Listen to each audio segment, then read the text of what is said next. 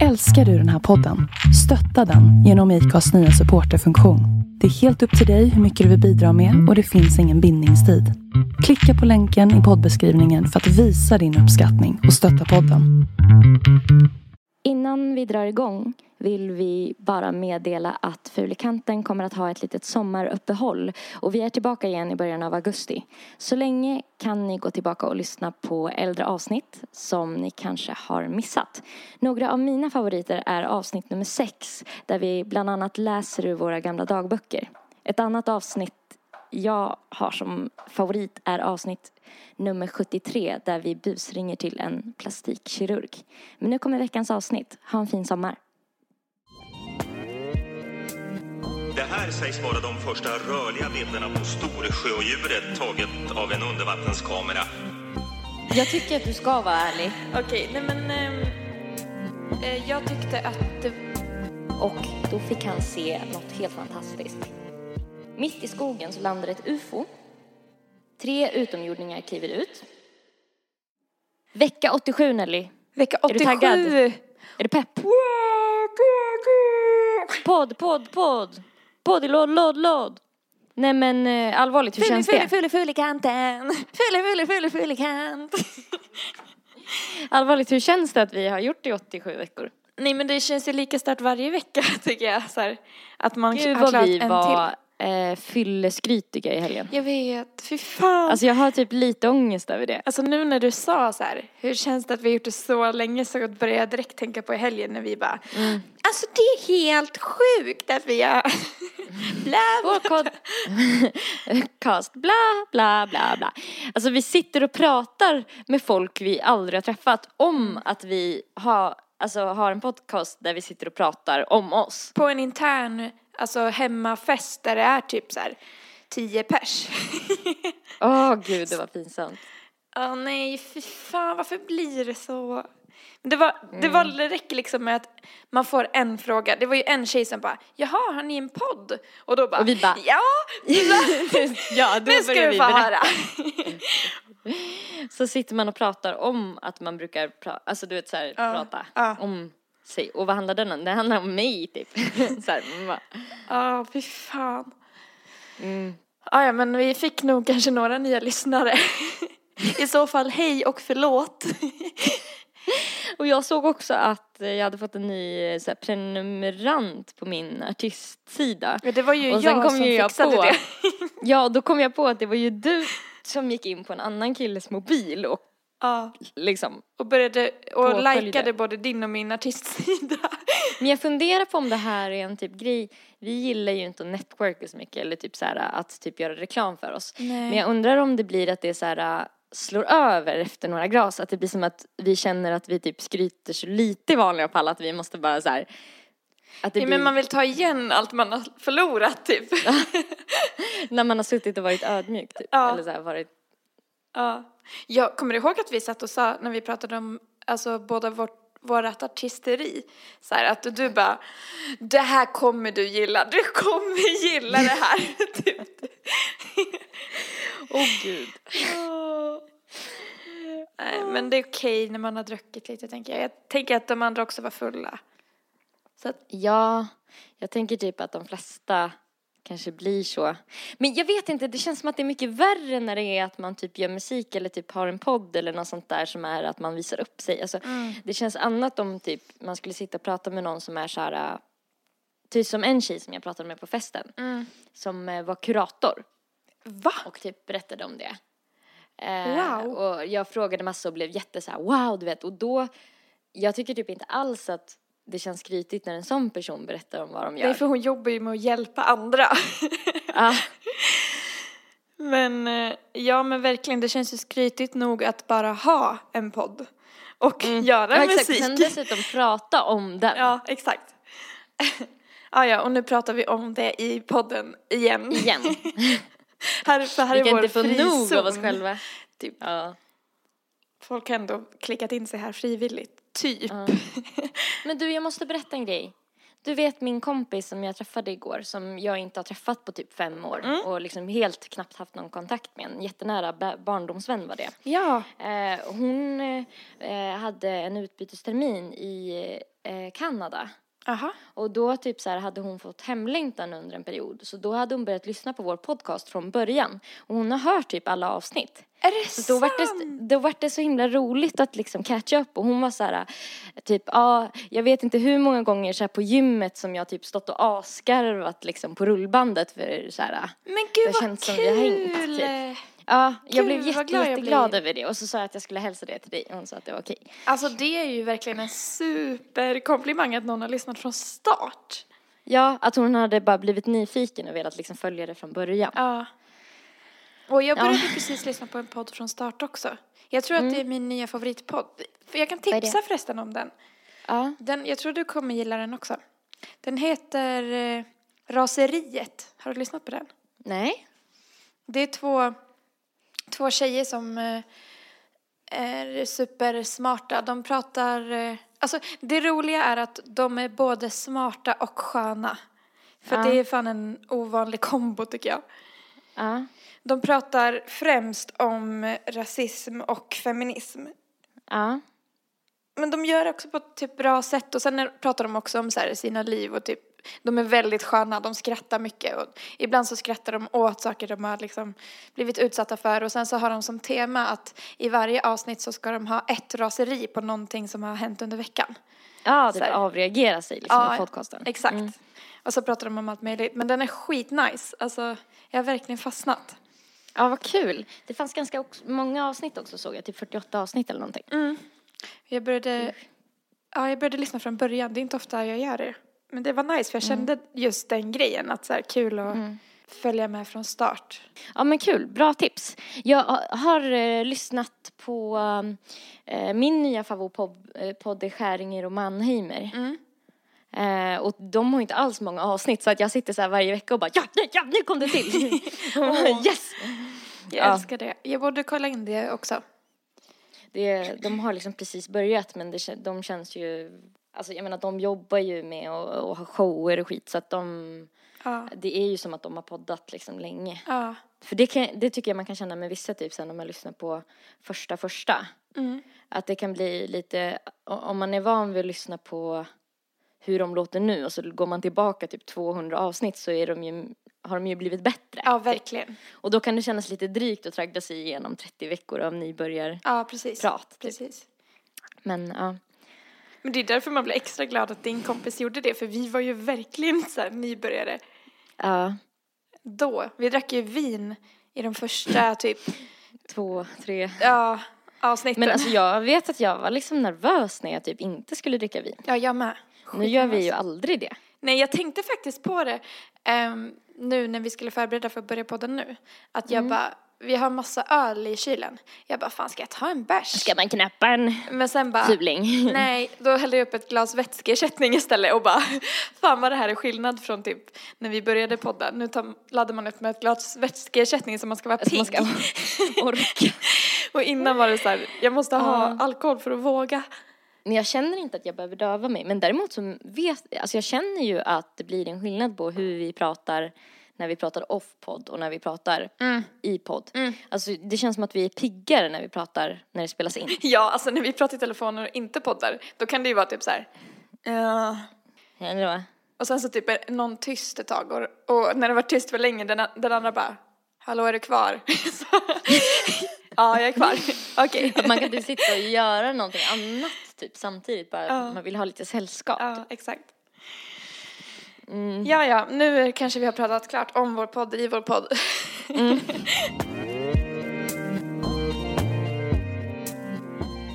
Jag ska fråga dig, vad heter det? Vi i helgen så var vi på en fest där du kände två pers. Mm.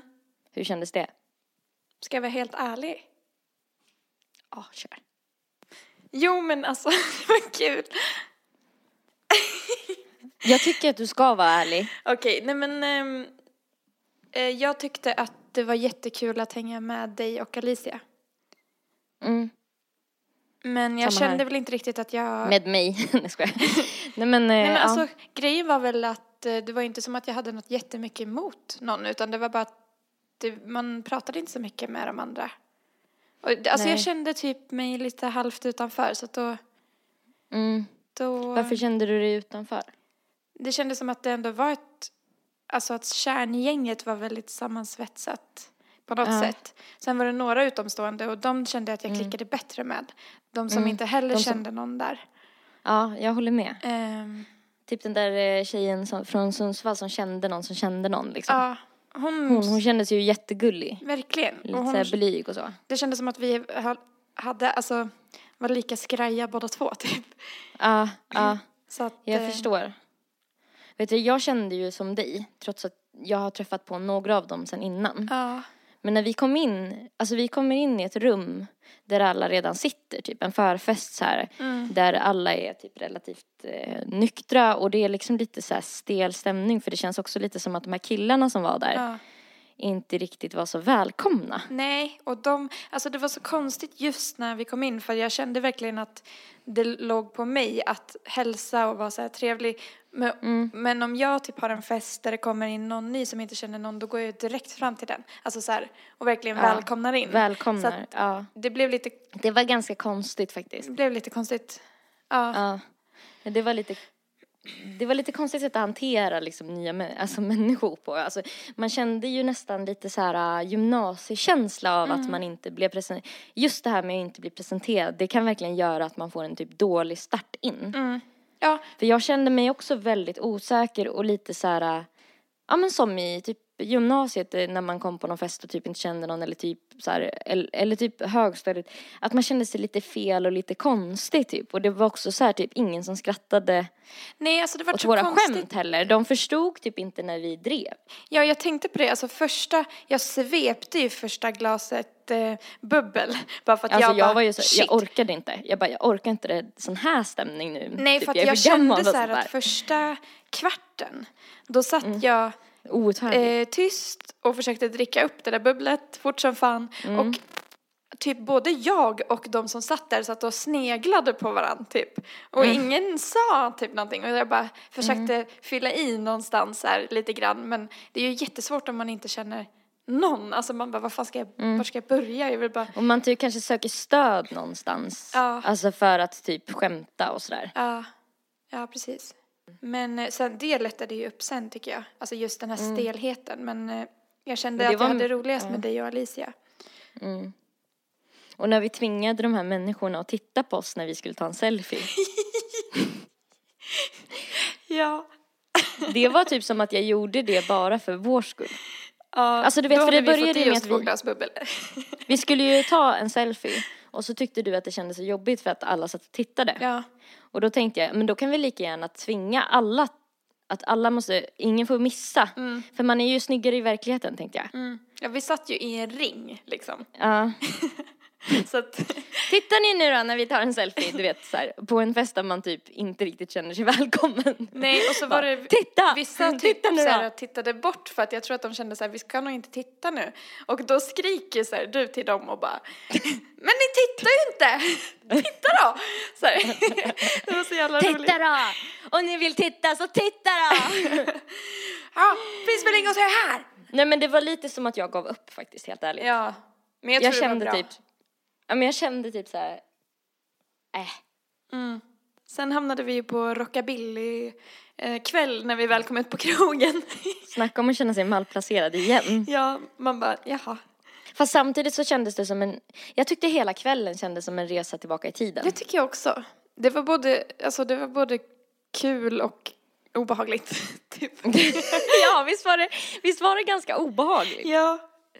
Alltså vissa Och så man var det ju någon typ tjej där som satt vid vårt bord, du vet, som jag höll på att få ett utbrott på bara på grund av hur hon pratade. Just det. Kommer du ihåg det? Men jag försökte prata med Ja, henne. men det var ju för hon pratade så här.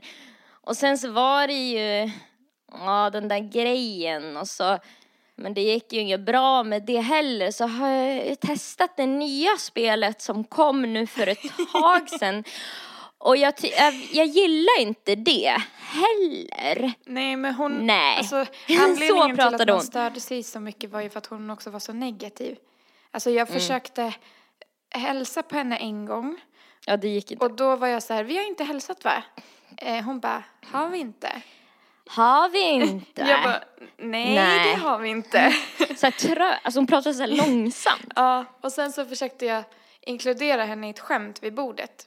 För att Ja, hon var ju hon satt ju mitt ensam. emot dig. Ja, hon satt ju mitt emot dig och hon var ju typ själv där med sin kille. Ja, och jag tänkte så här, jag ska verkligen försöka prata med henne. Så att jag bara försökte Nej, alltså förklara typ ett skämt som vi precis hade dragit så att hon skulle komma med. Och hon bara kollade bort. alltså så här, och jag Ja. bara, "N- n- nej, nej. Och då sitter ni nej." mitt emot varandra på ett, vid ett ganska smalt bord Ja. så hon hade ju hört. Ja, Det blev så stelt för hon bara, Nej, hon alltså, så- svarade inte och tittade bort. Och jag bara, "Mm, nej, nej, inte det, nej, nej då. Typ. Men eh, Och sen så hon var ju- hon var satt hon och spelade något så här mobilspel. Ja, men hon under var väl typ där hela typ middagen. med sin kille. Ja, Jag tror- och jag tror typ att hon var väldigt ung också. Jag tror att hon var minderårig, ja. Ja. Det tror jag. För hon drack inte alkohol vid bordet i alla fall på krogen. Nej. Ja, Nej, hon kan ha varit det. Jag, jag vet inte, men det var bara, i- alltså hon var, men det var typ hur hon pratade, alltså det var nu egentligen inte själva eh, hur, alltså för mig var det nog mer att jag typ så här associerar det där sättet att prata på med typ så här massa människor som man tycker typ har så här onajs i, under uppväxten. Mm. Mm. Det var så många som liksom, typ så. Och det går så sakta och det låter men många, ty- många som typ inte kommer från Dalarna, de har en fördom om eh, dalmål att det är så en mysig, glad dialekt. Att det är så här, man är en dalkulla, man kommer från Falun, man är så aktiv, man, gör, man har så mycket kul på gång, man har folkdräkt, man firar midsommar. Så tror de att det låter Man går bara. på ridning Men- och man... ja. men det mest, alltså de flesta som pratar dalmål pratar ju mer så här. Att det är så här, ja det är så jobbigt allting. Och det är så mycket folk som kommer på klassikar, vi hatar turister, stockholmarna vet du, går mitt i vägen. Åh. Ganska gnäll, gnälligt. Ja, det kan låta typ extremt, alltså när det, är, när det är en jobbig dialekt så är det verkligen den värsta dialekten. Ja, alltså negativa dalmasar. Det är väl den dialekten. Liksom. Men det är jättemånga, Det är många negativa, ja. ja, jag vet inte, det förstärks av det här.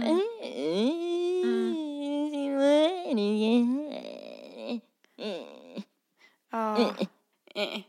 Men det roligaste som hände på den kvällen för mig, förutom att vi låg och skrattade hela natten i soffan, eh, när vi hade kommit hem, var den här tanten som bjöd upp mig på dansgolvet. Ja, det var speciellt. Fan vad sjukt det var. Alltså det var, det var så roligt för att vi stod typ och vi bara, vi ger ett försök att dansa till, eh, till rockabillybandet som står här och spelar.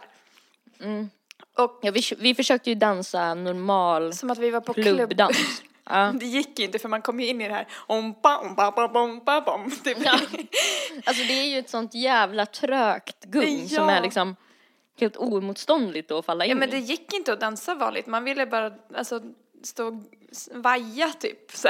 Mm. Ja, men sen från ingenstans så kommer den här tanten på typ 60 plus och bara sliter tag i mig och börjar så här hetsbugga med mig och bara snurra runt mig och alla, hon var så Men det liten. såg ju så, så konstigt ut också för att ni båda försökte Leda. ju leda också. Mm.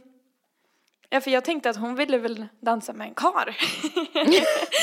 men Men eh, jag vet inte vad hon fick luft ifrån höll jag på att säga. Nej, men det var Nej, men så- hon bara dök upp från ingenstans och bara högg tag i det och sen så Ja, var det liksom Det var, hon frågade inte heller om jag ville dansa utan det var bara nu dansar vi. Men jag tyckte det var asskönt, alltså det var ju hon fick jätteroligt. feeling. Och sen så efteråt hon bara, ja förlåt om jag var lite på typ. Man bara, nej det var, det var verkligen lugnt. Men sen när det var över alldeles för tidigt och man var alldeles för full för att gå hem. Då tänkte ju vi, nu blir det efterfeke. ja. Så att vi började på att skanna av lokalen. Finns det några som vi typ kan tänka oss Som verkar sköna. bjuda typ. in? Ja. Och vi typ hittar en stor, stor man med ett litet, litet svullet blött ansikte. Och röda Som ögon. vi tänker, han, han har känslor. Mm. För han satt och grät. Oavbrutet. Och vi fick liksom den briljanta idén att så här, vi tar med den här personen på efterfest. Jag, jag fattar inte varför vi skulle tycka att han var rolig. Alltså, Nej, jag vet inte heller, men det var att vi bara, åh, en känslomänniska. ja, ja, men typ. Så den här jättestora liksom Barbapappan då hängde med på den här festen. Men det sjuka Och var ju att han ju- sa, han skulle ju inte med. Jag skickade ju hem honom först. Alltså jag sa så här, nej, du är för ledsen. För att han slutade ju aldrig gråta. Och han bara, Nej. men jag gråter inte, det bara rinner ur mina ögon. Typ, man bara, jo du gråter, det här är att gråta typ. nej men, så att eh, vi drog ju dit och sen så helt plötsligt dök han bara upp där ju. Som en stor, och han var fortfarande svullen och blöt i Ja, ansiktet. han grät då fortfarande typ en timme senare. När han kom in. Ja, och då började vi så här, nu kanske det inte är lika gulligt längre. typ. Nej. Och jag minns att jag försökte så här, är du okej? Alltså, du kanske bara borde gå hem om du mår dåligt. Och han bara Men när jättes... den här- Då blev han typ lite smått irriterad så jag bara, "Ah, ja, låter han vara. Fast han fortsatte hulkgråt. Alltså, ja. Det var inte liksom lite smyg vacker gråt när man kollar ut genom fönstret och bara du du du du du du du. Nej. Han var ju inte liksom en vacker gråtare utan han var ju en så här. Ja, han kunde ju typ inte prata heller. Alltså, Nej. han måste ha haft, haft träningsvärk i sitt ansikte dagen efter för han, han grimaserade Grimma. ju Ja, det var ju som ett knöggligt blött rött ansikte. Ja. Men, Och så skulle du hjälpa honom hitta en sko när han skulle gå. och han bara, eh, för att jag såg ju att han stod i hallen, typ helt tafatt. Och bara Jag bara, men okej nu ska han äntligen gå hem. Så jag bara, du, behöver du hjälp med någonting? Behöver du hjälp att, eh, hittar du inte dina skor eller? Så här, han bara, nej. Jag bara, vad har du för skor då? Han bara, Adidas som alla andra. Jag bara, aha. Och så började jag titta och bara, nej det finns inga svarta Adidas-skor här. Han bara, men jag har ju Nike! Och bara blev Och så- skitsur och typ står och håller i ett stål eh, skohorn och bara slår till mig på höften med det. Typ rätt hårt. Och jag bara, Men jag har ju jag har Nike! Man bara, aj, varför, vad gör du? Typ. Han bara, Ja. men det där var inte hårt. Typ så här, och så blev man, jag bara, men okej, jag går härifrån, du behöver uppenbarligen inte min hjälp. Och så gick jag, och sen så ser jag hur han tar på sig ett par bruna skinnfinskor och jag bara, oj vad du hade nice här. Jag var lite sur då. Och då går du dit för att han står ju där och du skulle gå och kolla läget eller? Alltså jag hade ju precis eh, eh, hjälpt en kille att spy på toaletten. Vi ska hålla på och hjälpa så mycket, vad fan. ja, för jag hittade honom i köket stå så här och vingla fram och tillbaka under fläkten för att försöka chippa efter andan stackaren liksom. Och då tänker jag så här i min enfald, ja ja men vi alla har varit där liksom, det händer alla någon gång. Och du kanske är väldigt ung eller någonting men ja ja, jag lovar dig det kommer bli bättre om du spyr. Och så eh, försökte han spy och jag försökte vara så här jätte, jättesnäll. Så jag bara, kom igen, ja men det är bra, kämpa på, du kommer må mycket bättre imorgon. Han bara vänder sig upp från toalettstolen och bara Alltså nu börjar jag bli jävligt irriterad. Va? Bara för fan. Alltså folk var så jävla osköna på den där efterfesten. Ja. Alltså det var nog, det var nog den oskönaste efterfesten jag någonsin har varit på tror jag. samma här. För det var en kille som också sa till mig att mina stortår var lika stora som hans huvud. Och då så sa jag att eh, hans huvud var lika litet som mina stortår. Alltså smart, smart kille där. Ja, Och Jättesmart. så var det en annan, det var, det var ju bara killarna som var osköna där typ. Mm. Då var det en annan kille som var pappa och hade typ lämnat sin sjuåriga dotter hemma och tappat bort nyckeln. Man bara, eh, du kanske ska försöka gå hem till din dotter. Stabilt liksom. Alltså, I alla fall, då den här eh, mannen kommer in eh, snubblande igen, han med det med stora röda blöta knöggliga ansiktet. Och så, då ser jag hur han står ute i trapphuset med den här killen jag har försökt hjälpa spy. Med det här skohornet fort, fortfarande. Ett, redo att liksom slå till den här andra killen. Så jag smyger dit och bara sträcker fram handen och bara, eh, kan jag låna skohornet? Typ, Jag blir typ rädd att de ska börja slåss. Och då bara ger han det till mig. Och sen så bara tittar han på mig och bara pekar på mig och bara, det är hon! Det är hon som är evil! alltså, what? Och sen går jag ju bort till er och typ berättar vad som har hänt. Och då så står han fortfarande och tittar med sina små psykogrisögon bort på mig. Helt rödsprängd. Ja, jätte, jätte, jättekonstig. Och jag blir så himla nervös av att han står, för alltså vissa grejer, vissa personer på fyllan kan ju bli att de liksom verkligen sne, alltså snear. Ja. Så att eh, då ville jag gå ut på balkongen så vi typ gömde oss lite. Alltså jag sprang och typ gömde skohornet och sen så gick jag ut på balkongen typ. Så satt vi där en stund för vi tänkte att han, han skulle gå. Men man vet ju liksom att efterfester är ju oftast inte svinkul men det här var verkligen så här typ under, Under all kritik. kritik. Alltså det här var det värsta, det här var ju ett, det här var ju, liknade ju ingenting. Men det känns ju som att han eh, antingen aldrig har varit i kontakt med känslor förut och att det bara kom som en, allt blev liksom överväldigande för honom. En tsunami. Eller att han typ hade någon form av psykos. Ja, alltså han var ja, ju exakt. helt, Han han, var ju väck. ja, Men jag tyckte bara det kändes som att det var så många trasiga människor där. ja verkligen, det var en så sjuk grupp människor. Sen så efter det där gick vi hem och bara, vad fan gör vi här, vi går nu. Ja, också så himla konstigt att ingen av de här andra människorna på efterfesten backade upp oss när, när den här killen började bli våldsam. Ja, Utan de typ satt och försökte skratta bort det typ. De bara, oj, Nej. va, vad konstigt. Eh. Vad konstigt att han betedde sig så där. Är du rädd för ett skohorn eller? Men vadå, det är ju ett skohorn. Och Man bara, det är av järn. ja. Ja, oj, det var Och han visst är lite typ två tungt. meter lång och typ ser ut som att han är borta liksom i dimman. Ja. Ja, nej det var helt fy sjukt. fan vilken konstig kväll. Ja, men det var kul att komma hem sen, kände jag. Mm. Och gud vad jag var lättad alltså när vi fick komma hem. Ja. Shit, det var så, det var så skönt. Alltså det var länge sedan jag skrattade så mycket som vi, vi låg ju, du och jag skulle sova på soffan och bara låg och Mm. skrattade åt all misär vi någonsin har varit med, med om typ. Alltså det var bara så himla kul. Åh gud. Okej, eh, Nelly. Mm. Känner du att du är redo för en ny skala? Ja! Jag trodde aldrig du skulle fråga! Nej. Nej, men nu gör jag väl det ändå. Ja, ja det blir Men väl nu som förstår det ni vad jag blir. menar. De kan få typ det mest fantastiska att låta så här. Ja, jag har ju fått ett nytt jobb och nu och så har vi flyttat och Ja, det, ja, jag har ju fått en son och eh, typ sådär. Man bara, men Man bara, det, det här är ju glada nyheter.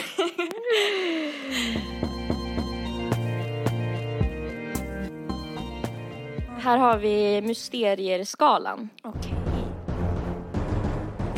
Och då får du sätta poäng 1 till 5 Mm. utifrån hur mystiskt du tycker att det är. Okej, åh gud. Jag är så taggad. Brukar du ta pollenmediciner? Mm. Jag har börjat i år. Den 18 maj 1946 eh, så hade en snubbe som hette Gösta Karlsson, en helt vanlig kille från Ängelholm, tagit cykeln ut i Sibirienskogen för att titta på fåglar. Vet du vad som hände då? Nej. Han eh, hade med sig en ficklampa som han tände när han var ute i skogen. Och då fick han se något helt fantastiskt. Mitt i skogen så landade ett UFO. Tre utomjordingar kliver ut. Varelserna berättar för Gösta om pollen och lär honom allt han behöver veta för att kunna ta fram pollenmedicin som gör honom till multimiljonär. Gösta reste sen upp det här monumentet i skogen, precis där han säger att ufot landade. Han har aldrig gett någon annan förklaring till hur medicinen kom till än ufo-historien. Och det är fortfarande en gåta. Jag ska du få se en bild på What? ufot där, som han har rest staty efter. Uh, Okej. Hur mystiskt. Alltså jag kan ju inte riktigt ta det på allvar.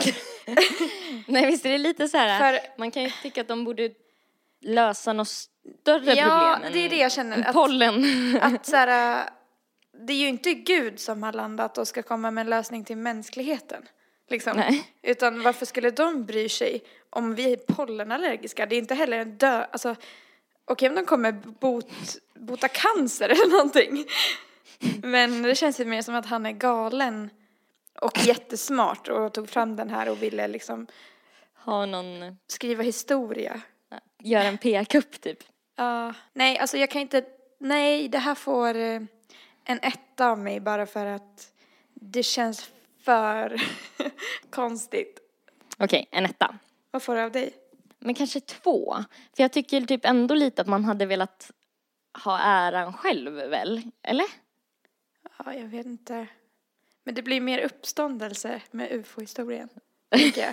Sant, det kanske var ett sätt att få ut medicinen. Ja, kanske. Nästa mysterie handlar om mumier.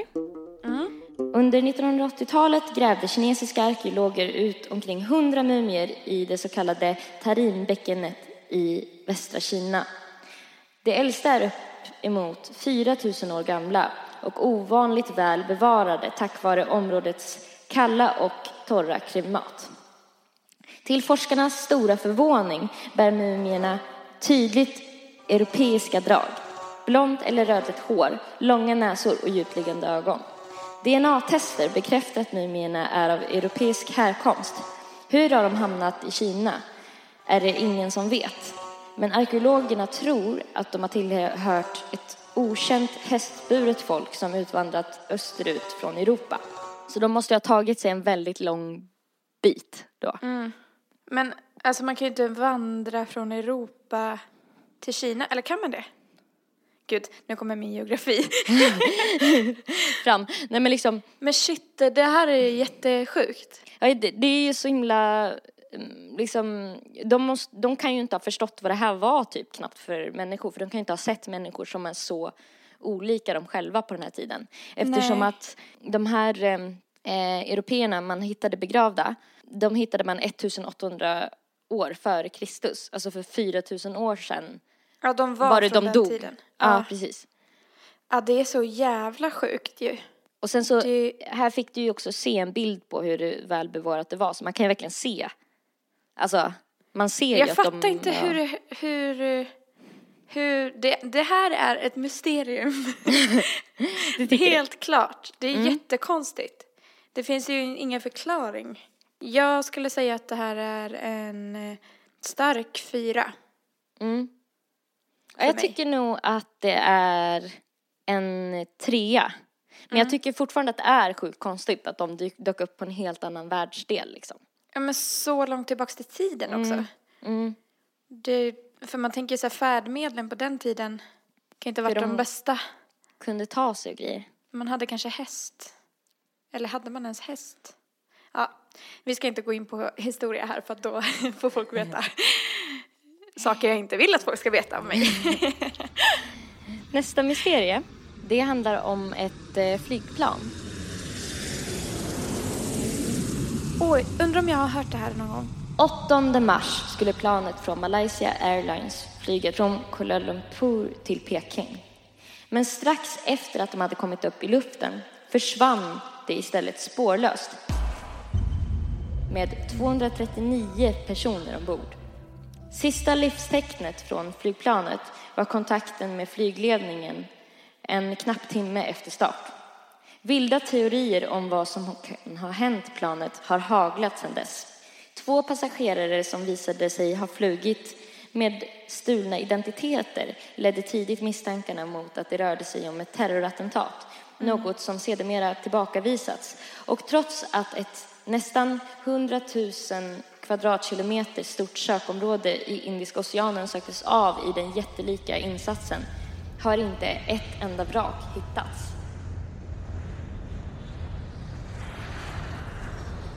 Nej, det är ju jättekonstigt. Det här var väl inte så himla länge sedan? Nej, jag För jag tror inte det. det. Minns det här? Jag tror att det här var 8 mars och den här artikeln är från 2014. Ja, ja. Mm. Det är så konstigt för att man tänker ju, alltså om man ska tänka logiskt först så här, så tänker man ju att, ja men de störtade mitten av havet, den kan ha sjunkit till havets botten och så har de bara inte hittat det. Men så tänker man också så här, när det landar kanske planet går sönder mot vattenytan. Eh, folk, eh, öpp, alltså om man störtar så antar jag att man typ öppnar upp dörrar och kastar sig ut kanske. Alltså det måste ju funnits någonting som har flyttit upp. Allt kan ju inte bara sjunka. Slukas. Nej, och, och även om det var någon som liksom hade tänkt ut en plan med hur de skulle dra iväg med det här flygplanet.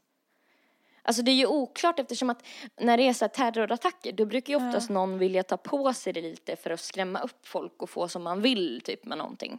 Alltså Ja. då har man ju typ ett syfte liksom. Ja. Ja, för att de kan inte ha tagit över planet och bara flygt någon helt annanstans och landat och lyckats hålla det här dolt, hålla de här 200 Ja. passagerarna dolda liksom. Ja, det var 239 passagerare till och med. Så det är liksom Ja. sjukt många människor. Men gud vad konstigt. Jag antar att teorier om så här ufo-uppslukning och sånt har funnits. Men shit, vad kan ha hänt? Det här är ett riktigt, riktigt mysterium. Ja. Det här är så konstigt. Det här får en femma av mig. Man hittade ju två som hade stulna identiteter, alltså i efterhand liksom, som in, inte visade sig vara rätt personer. Som hade klivit på. Eller i- man hittade dem inte men man, man liksom hittade väl det i listorna efteråt. Ja. Flyglistorna. Eh, men det är så konstigt att de liksom inte tillkännager någon slags motiv för någonting eller liksom det är ingen utpressning. Alltså, det, Nej, ing- det blir, syftet blir så oklart liksom. ja. Och man undrar vart Ehm. fan det har tagit vägen för att det borde ju ändå finnas spår. Det får nog fem av mig med faktiskt. Det är så jävla mystiskt. Okej, du ska få en länk.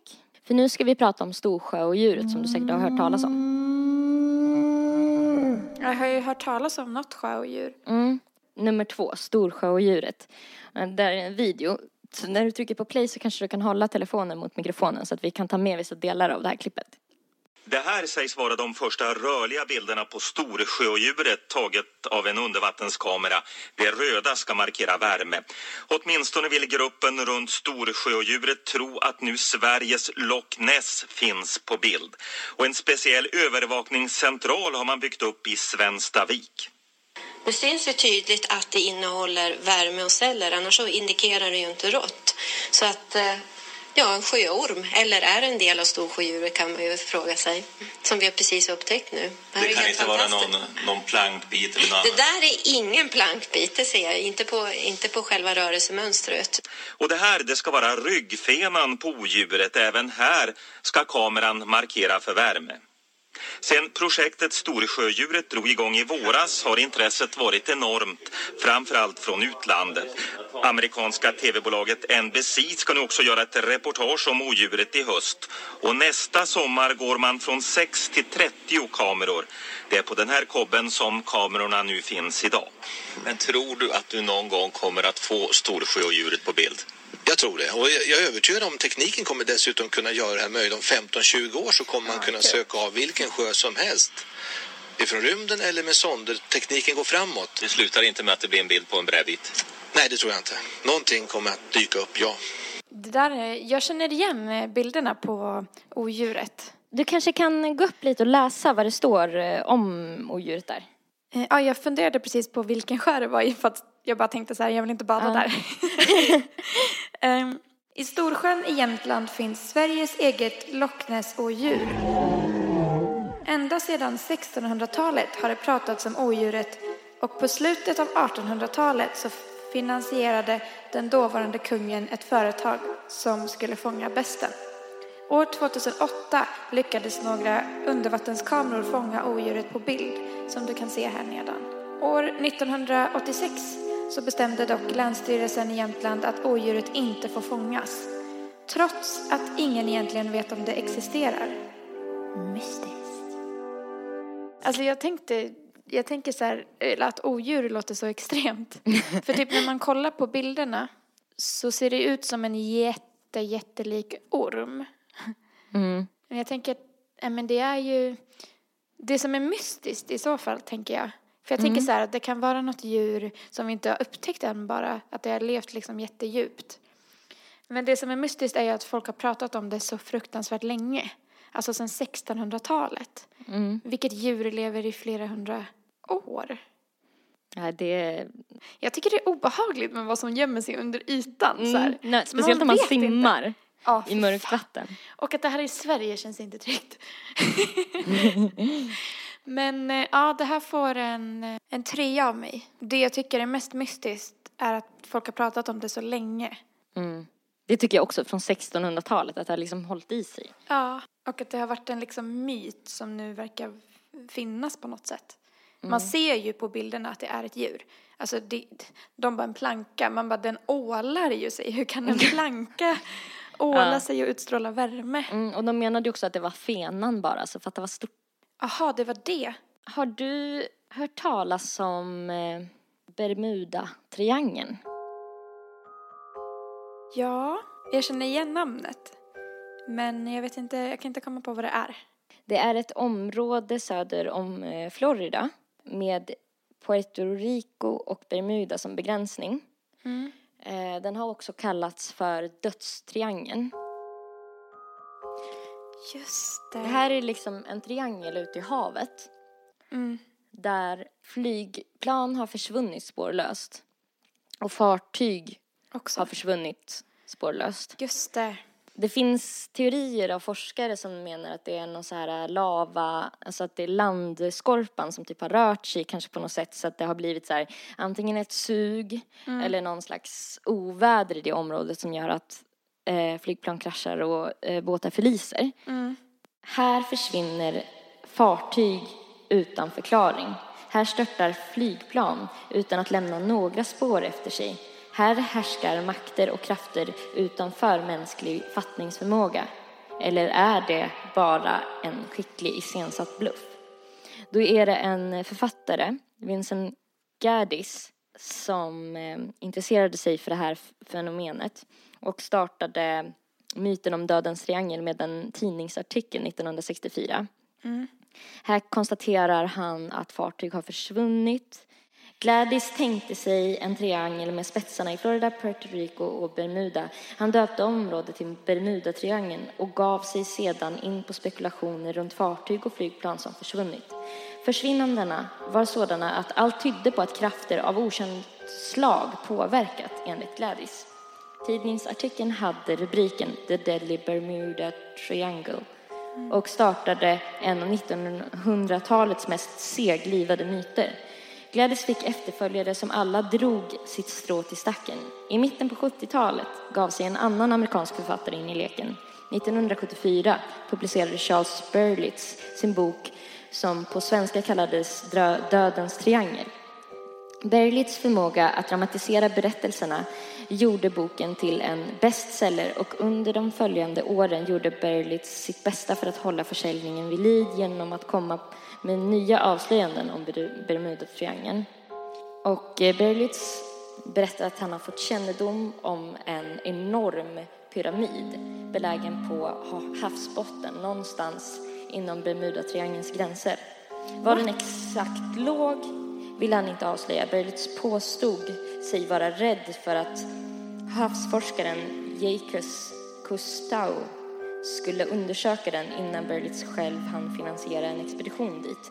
Pyramiden på havsbotten fick naturligtvis spekulationerna att ta fart. Teorier om att det var sjunkna Atlantis, du vet myten om Ja, Atlantis ja, ja. eh, som hade hittats presenterades. Pyramiden troddes ha hemliga krafter och att det var den då som orsakade mystiska försvinnanden som har skett i det här området. Kanske är det onödigt att pe- påpeka att Berlitz aldrig avslöjade pyramidens läge trots att han erbjöd ganska stora summor för att göra det. Ja, det finns mängder då, eh, av exempel på tragedier som har inträffat och folk som har försvunnit utan någon rimlig förklaring i det här området. Ett exempel på det är Grupp 19. En av de mest uppseendeväckande berättelserna är den om fem torpedbombplan som utförde en rutinflygning i området. Det var väl någon slags militärövning 1945. Planen Grumman TBM-3 Avenger eh, startade från Fort Lauderdale. Vädret var utmärkt och flygningen var till en början helt fri från problem. Efter ett övningsanfall mot ett fartyg vände gruppen hemåt igen. Men strax innan planet väntades tillbaka till Fort Lauderdale anropade gruppchefen Charles, Charles Taylor. Detta är en nödsituation. Vi tycks ha kommit ur kurs. Vi kan inte se land. Flygledartornet i Fort Lauderdale anropar Taylor och frågar efter position. Svaret gör saken ännu mer mystisk. Vi är inte säkra på vår position. Vi är inte säkra på var vi är. Vi tycks ha flugit vilse. Ganska ovanligt tänker jag för någon som är så här militärpilot. Ja. Ta bärgning och flyg västerut, meddelar tornet. Vi vet inte åt vilket håll vänster är just nu. Allting är fel. Det är så konstigt. Vi kan inte räkna ut någon riktning. Inte ens havet ser ut som det borde. Va? I det ögonblicket är chefsinstruktören vid Fort Lauderdale, löjtnant Robert Cox, på väg inför landning. Han hade hört samtalet och anropar.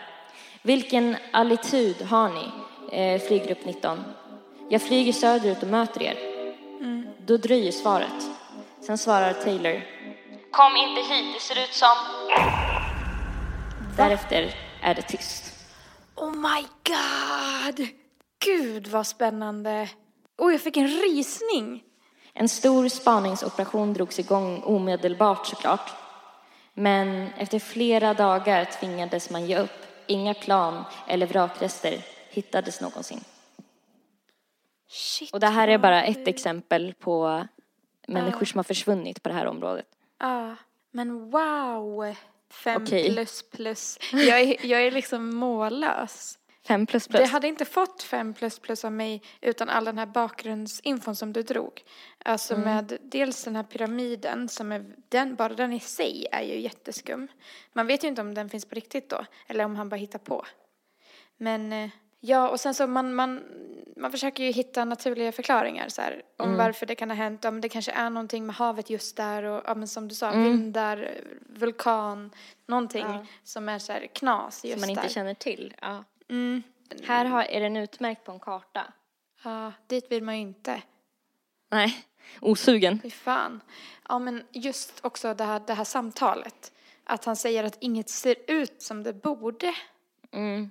Alltså för jag tänker så här att jorden består ju också av magnetfält. Att det kanske är något jättestarkt magnetfält där och det kan ha gjort så att liksom deras utrustning inte visar vad som är väst och sådär. Mm. Men saker ser ju inte annorlunda ut av magnetfält. Alltså att Nej. havet ser inte ut som att det borde och typ kom inte hit, det ser ut som, varför säger han kom inte hit? Exakt, kom inte hit. Hade man varit i, bara förvirrad liksom och tappat bort sig hade man ju verkligen velat att de ska komma dit. Vissa hävdar att det är, eh, har kopplingar till så paranormala, alltså spökliga förklaringar. Ja. Eller utomjordiska aktiviteter. Mm. Eller sjödjur. Eller dinosaurier. Ja, de, de har överlevt. Ja, det finns en megastor som kan fånga flygplan och båtar. Mm. Nej men fy fan, nej men det här får fem plus. Dödens triangel får fem plus plus alltså. Mm, vad får den av dig? Fem plus plus. Men sen finns det de som menar också att antalet olyckor på den här, i den här, inom den här triangeln stämmer ungefär med ha, hela havet. Att det är lika mycket olyckor överallt. Mm, att det är så här, bara för att den har blivit uppmärksammad så tänker man på det extra Det säger mycket. typ. myndigheterna, men man blir ju lite så här, kan man tro, alltså du vet, det är också lite spännande liksom. Ja, för då blir man så här, vad är det de försöker dölja? Ja, exakt. Men det ska tydligen vara väldigt överrepresenterat i alla fall i olycksstatistiken menar andra. Utomjordiska vulkaner, gasbubblor, jordbävning. Ja, folk funderar över allt möjligt här. Mm. Är du redo för den sista myster- för det sista myster- mysteriet? Mm. Då har vi en mystisk eh, olycka i de ryska Ur- Uralbergen. Olyckan vid eh, Chatlovpasset. Den 2 februari 1959 dog nio skidåkare under mystiska omständigheter i de ryska Uralbergen. Personerna hittades ihjälfrusna, vilket inte var så konstigt då det var 30 minusgrader och snöade kraftigt just denna natt. Det är istället var och i vilket skick kropparna hittades som idag gör fallet olöst och därmed kvalar in som ett mysterium. Det är nämligen så att tältet där skidåkarna sov hade rivits sönder från insidan. Man hittade fotspår gjorda av fötter utan skor. Och de hittade man i snön och de ledde in i skogen. Där hittade man två kroppar, endast iklädda underkläder. Tre kroppar hittades i snön mittemellan lägret och platsen där de första två hittades. Två månader senare hittade man de sista fyra. De låg 75 meter bort i en ravin, klädda i de andra offrens kläder. Va? Jag, min första tanke var så här, kan de ha fått i sig någon drog? alltså någon gift? Som festade där ute. Ja, men, eller att någon av dem ville liksom mörda de andra och typ ge dem någon konstig drog som gör att de så här river upp tältet och springer iväg i underkläder. Mm. Det finns ju sjuka droger där ute. Men eh, ja, det är ju jätte... Mm, hade liksom inga vittnen. Nej. Vad sjukt att det tog så lång tid att hitta de andra. Två månader. Mm. När de var så nära. Mm. Och jag tycker också att det är sjukt att, att tältet var upprivet inifrån. Ja. Och sen att folk hade liksom bytt kläder. Ja. Och att de hittades nakna och grejer. Ja. Det känns ju inte som att man sover nak alltså i underkläder om det är 30 minus. Även om man har bra sovsäckar liksom. UFO.se har skrivit om det här. Mhm. Mm, det står att nio ryska studenter om, omkom när de var ute på skidexpedition i södra Uralbergen. De låg liksom utspridda på kalfjället. Ja, jättekonstigt för att ja, men hade det varit en typ ravin eller något så hade de ju varit på samma plats. Den stora frågan undersökare ställt sig är varför studenterna plötsligt fick så bråttom att lämna sitt tält Ja. och all nödvändig utrustning. Ja, De hann inte ens sätta på sig kläder, nej. skor, Ja, man börjar ju tänka de så här, var, rusade ut. var kan de ha flytt ifrån typ? Finns det något djur som kan komma in i tält och, och riva upp? Jag lyssnade på ett program om det här eh, där man hade läst dagboksanteckningar eh, från en av de här. Aha. Och eh, då den personen ska ha uttryckt obehag eh, inför han som ledde den här utflykten. Att han Ja. liksom på något sätt eh, betedde sig mystiskt in, innan. Och att det var som att han typ bara ville mer och mer ut i det vilda liksom. Trots att några av dem började tveka. Mm. Och till stor hjälp har undersökarna haft av Yuri Judin, den enda överlevanden från expeditionen som klarade sig tack vare att han tvingades avbryta skidstrapatsen och vända tillbaka. Hans röst och minnesbilder har många gånger fått berätta om eh, ger studenternas sista dagar liv och skärpa. De var erfarna vandrare. Den 23 januari 1959 lämnade tio unga studenter, åtta män och två kvinnor skolan för att bege sig iväg på en 16 dagars lång skidresa i tuff terräng. Alla var erfarna vandrare och turåkare i samhället eh, som uppmuntrade till fysiska strapatser. Det fanns ett nationellt system för vandringscertifikat i det kommunistiska Sovjetunionen och meningen var att studenterna nu skulle ta sitt grad 3-bevis. Det högsta certifikatet som gick att ta. Ehm, De var goda vänner. Och eh, Djatlov, som redan var lite av en kändis på skolan, han hade gott rykte. Han hade lett redan flera vandringar tidigare. Eh, Och det var han som ledde den här också. Nej, men jag ger det nog en trea. För Mm. jag kände inte liksom de här ryskänslorna som jag kände för Mm, triangeln. obehaget.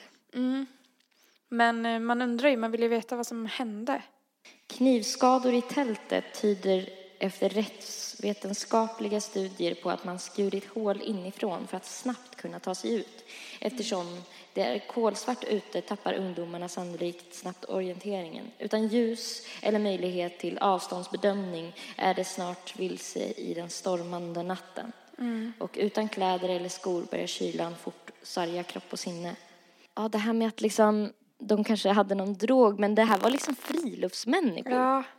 Men jag tänker typ så här, om de har skurit upp tältet själva och sprungit. I tältet återfanns en dagbok, tre kameror. I dagboken, en slags resejournal, har gruppens medlemmar skrivit notiser under färden om vad de gjort och vad de sett fram emot. Kamerornas bilder framkallades under myndigheternas utredning. Ett 80-tal föreställande studenter när de poserar för kameran eller åker skidor genom landskapen. Det var viktigt att dokumentera färden eftersom den skulle ligga till grund för den stundande grad 3-certifieringen. En av bilderna, den sista i en av rullarna, har dock gett upphov till mer mystik. Bilden var sannolikt den sista som togs. En mörk bild med en exponering av ett ljus eller en ljuskälla som kan vara vad som helst. Vem tog bilden vet ingen.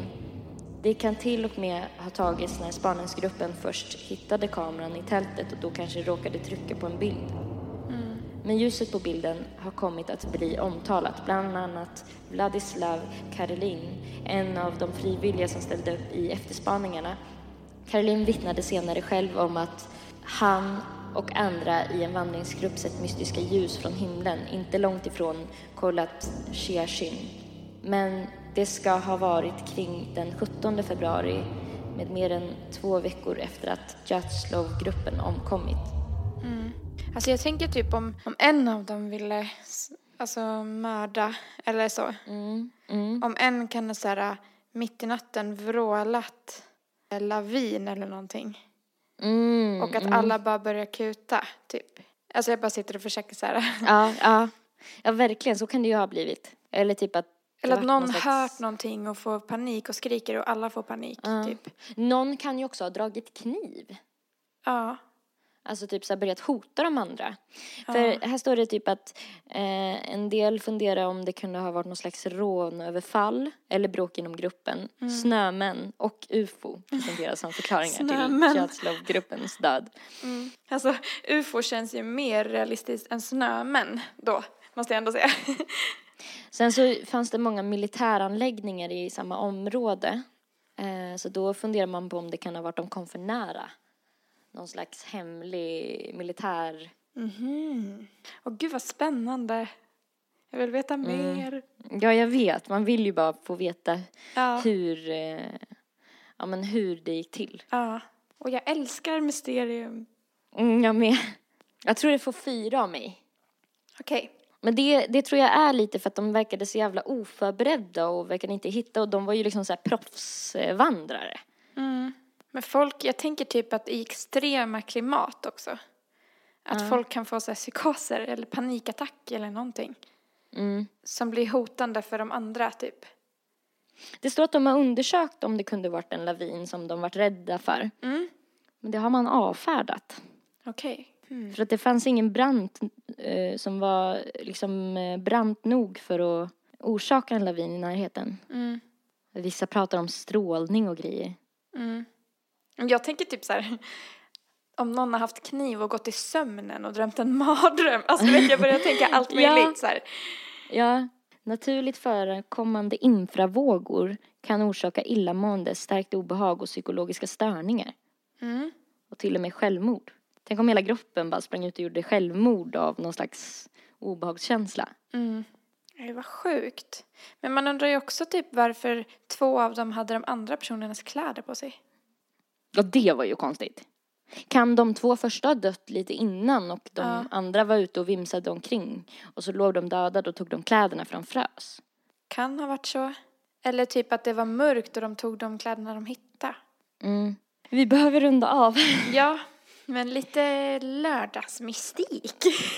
Lördagsmusik. Kan ni fundera på under helgen hörni. Ja. På Instagram så heter Nelly Nelpan, på Soundcloud heter hon Nelly mellanslag Malou. På Instagram heter Erika Zebratrack och på Soundcloud heter hon också Zebratrack. Och zebra stavas med C. Se! Puss och kram, ha en jättebra lördag. Ha det bra och hoppas du har kul i London Erika för du är väl där nu? Ja! Kul! Ja! Okej, puss. Puss puss! Hej.